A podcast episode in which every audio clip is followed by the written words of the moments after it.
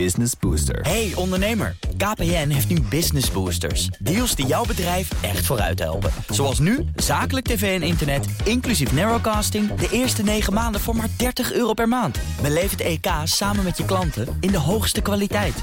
Kijk op kpn.com slash businessbooster. Business Booster.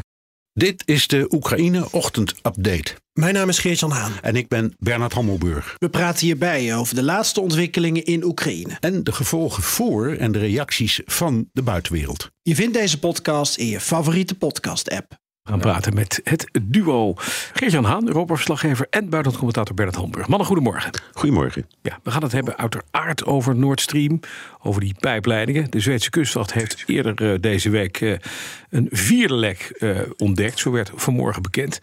Niet alleen de westerse landen, maar ook steeds meer met Rusland bevriende landen zeggen de uitslagen van die schijnreferenda niet te erkennen. Ondertussen lijkt Poetin zich nergens iets van aan te trekken. Morgen heeft hij een toespraak in de Duma en dan gaat hij de annexatie naar verwachting aankondigen. En dan zou begin volgende week, 3 en 4 oktober, een bijeenkomst zijn van de Duma om de toetreding van die vier regio's tot Rusland te bespreken. Nou, mannen, allereerst eventjes, Bernard, naar dat laatste nieuws van die Zweedse kustwacht, dat vierde lek. Uh, dit is, uh, hoor ik veel, veel mensen zeggen, een nieuwe vorm van oorlogsvoering. Ja. Dus warfare, nieuwe stijl. Ja, er worden overal het woord hybride gebruikt. Ja. Je hebt een wat ouderwetse woord, dat is asymmetrisch. Dat betekent dat, uh, ik zou maar zeggen, legers, legers elkaar niet op het slagveld ontmoeten, maar op hele andere plekken dit soort dingen worden gedaan. Ja. en um, het, het, het, is eng, omdat terecht er nu zorgen zijn over andere aanvoerleidingen, andere pijpleidingen, bijvoorbeeld naar ons toe. Maar je hebt ook dingen als uh, telefoonkabels die onder de oceaan liggen, Mhm. mm -hmm. internetverbindingen. En uh, er wordt dus terecht, denk ik nu, aan alle kanten uh, ja, nagedacht over hoe kunnen we die infrastructuur beter beschermen. Mm Mhm. -hmm. Want het zal je niet gebeuren dat ook daar dingen mee gebeuren. En het zou best kunnen.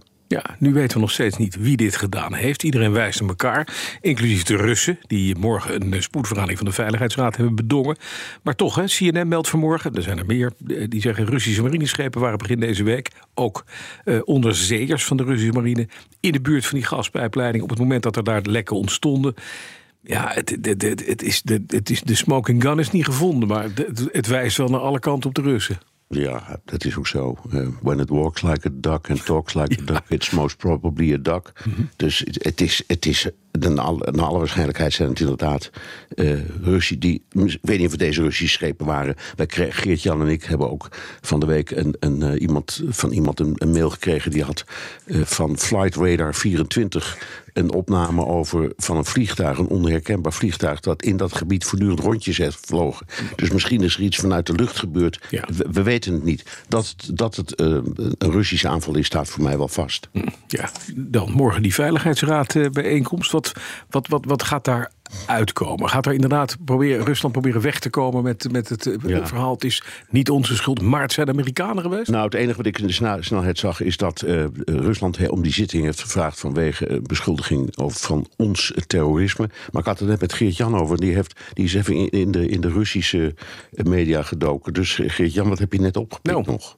Ja, ik zag dat de Russen in dit geval uh, de aanval kiezen. De aanval is de beste verdediging wellicht. Want het uh, parket van de procureur-generaal van Rusland... dat heeft dus uh, de, de opening van een strafzaak aangekondigd... in verband met internationaal terrorisme. En daarom vragen de Russen ook een spoedzitting aan bij de VN-veiligheidsraad. Dat is dan vrijdagavond, morgenavond dus. Dat is dan. Ja, we weten nog niet wat het tijdstip is van de toespraak van Poetin, waar we zo over komen te spreken. Maar dat, uh, dat zal dan wel net uh, daarvoor zijn.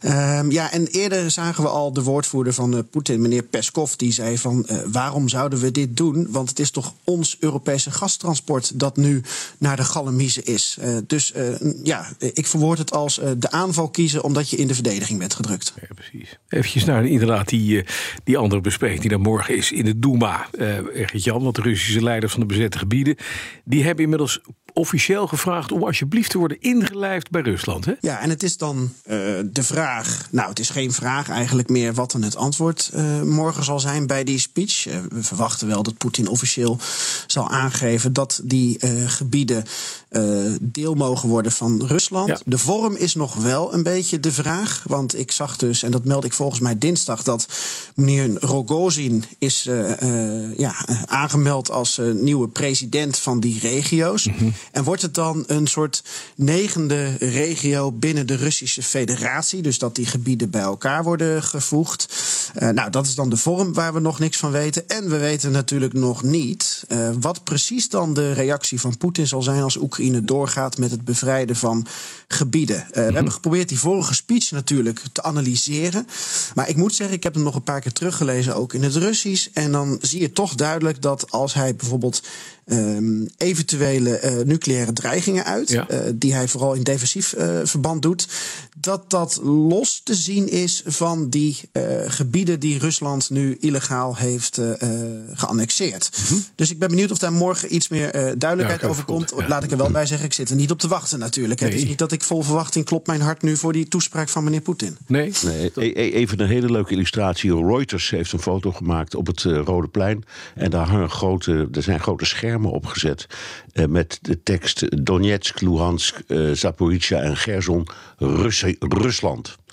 Dus, dus daar, daar is, wordt ja. al zo'n soort van feeststemming opgebouwd. Ja, precies. Dat, het, maar het, het, het, punt is inderdaad eventjes... we hebben nog indachtig die verhalen over hardere acties... die niet uit, nucleaire acties die niet worden uitgesloten. Uh, als er geen, geen uh, uh, hom of kuit over wordt gegeven morgen van, van Poetin... Bernard, wat kunnen, we, wat kunnen we verwachten van Poetin? Wat is de ja. volgende stap die hij zou kunnen doen... op het moment dat hij echt bedreigd wordt? Dat weten we niet, maar het belangrijkste vind ik... dat wij hebben allemaal haast, ook omdat we steeds ernstiger in de moeilijkheden komen door de energiecrisis. Mm -hmm. Maar Poetin heeft geen haast. Dus misschien doet hij gewoon even niks. Het kan heel goed hoor. Um, of misschien gaat hij door met die, wat dan heet, hybride aanvallen. Of misschien worden die, uh, die, die extra manschappen die zijn opgeroepen, hoe slecht die misschien ook uh, militair functioneren, toch ingezet om terug te slaan op de punten waar Oekraïne successen boekt. Ik weet het eenvoudig niet. Uh, ik weet niet wat Geert-Jan nog leest of hoort. Maar over de plannen van Poetin weten we weinig. En ik, ik vind in zoverre een goede vraag dat als je ziet hoe die oorlog sinds 24 februari is verlopen het Westen wordt continu in het defensief ge, uh, gedrongen. Ja. Door al maar andere uh, ja, uh, ik zou maar zeggen, elementen die Poetin in die oorlog brengt. Dus strategisch uh, doet hij het, vind ik, buitengewoon behendig. Ja. En wij, ja, wij, wij, wij, moeten steeds maar denken: oh jee, hoe, hoe, lossen we dit nou weer op? Ja, precies. Wij volgen een beetje hè, deze schakelwedstrijd. Ja, ja. Hoe kijk jij er tegenaan, Gietje? Ja, heeft ook wel te maken met, met wij, wij spelen volgens andere regels. Mm. Want uh, Poetin, het Kremlin, uh, uh, mag alles doen van zichzelf. Uh, mag met mensenlevens spelen. Als je kijkt naar wat er nu allemaal wordt gemobiliseerd en ook al snel naar het front wordt gestuurd. Um, en dat maakt het zo ingewikkeld, hè, dat mm-hmm. al die schendingen van internationaal recht. Dat, dat, willen wij het liefst niet doen. Alleen, ja, we zijn toch tot de conclusie gekomen afgelopen jaar dat we en harder moeten praten tegen Rusland en hardere acties moeten ondernemen tegen Rusland. En nu zijn we dus aan het zoeken van hoe moeten we praten met Rusland? Moet er een, een lijn open zijn of moeten we Rusland volledig isoleren? Uh, en dat is heel lastig met als je zulke uh, acties hebt als Nord Stream. Uh, waarbij we, moet ik erbij zeggen, dus nog steeds niet weten of de Russen erachter zitten. Maar -hmm. had je dat preventief kunnen voorkomen door erover te praten? Nou, wij zijn op dit moment afhankelijk voor dat praten van bijvoorbeeld Erdogan. En uh, nou, dan kan ik daar nog iets over zeggen, ook met die speech in het achterhoofd. Want uh, Turkse media die melden op basis van het gesprek van Erdogan van gisteravond met Poetin dat Poetin het einde van de speciale operatie gaat aankondigen in december. Met bescherming van de uh, nieuwe regio's. Dat is wat hij uh, naar buiten heeft gebracht via de Turkse media. Uh, dus dat zou de, erop duiden dat het, wat Poetin betreft, aan het eind van dit jaar klaar is. Alleen rijmt dat met het slopen van je Europese gastransport. Hm. Um, als je dan weer een, een soort van uh, uh, vriendjes wil zijn. Dat, ja, dat vind ik dat heel moeilijk. Daarom is het telkens ja. zo moeilijk om te voorspellen. Hm. Wat gaat hij nou weer zeggen in een speech? Ik denk dat het morgen met name voor binnenlands gebruik is. Gericht op die referenda. Die leiders, die stroommannen van die, van die uh, gebieden. Die zijn nu in Rusland. Ja. Het moet een binnenlands feestje worden, denk ik. Duidelijk. Nog even Bernard naar het laatste. De Europese Commissie heeft nu weer een nieuw voorstel voor sancties gedaan. Een price cap op olie uit Rusland. Gaat dat helpen en, en krijgen we dat voor elkaar? Want de Hongaren, de nou, Orbán heeft al gezegd van nou dat gaan we dus niet doen, want die sancties helpen niet. Nee, precies. Nou goed, dat is, dat is een probleem. En ja. um, maar je kent mijn redenering, de, de, Europese Unie is een, is een vereniging van democratieën. En je kunt vinden van, even los van uh, wat je nou vindt van, van Hongarije in het algemeen. Maar het is het recht van het land om te zeggen we zijn het hier niet mee eens. We hebben andere opvattingen.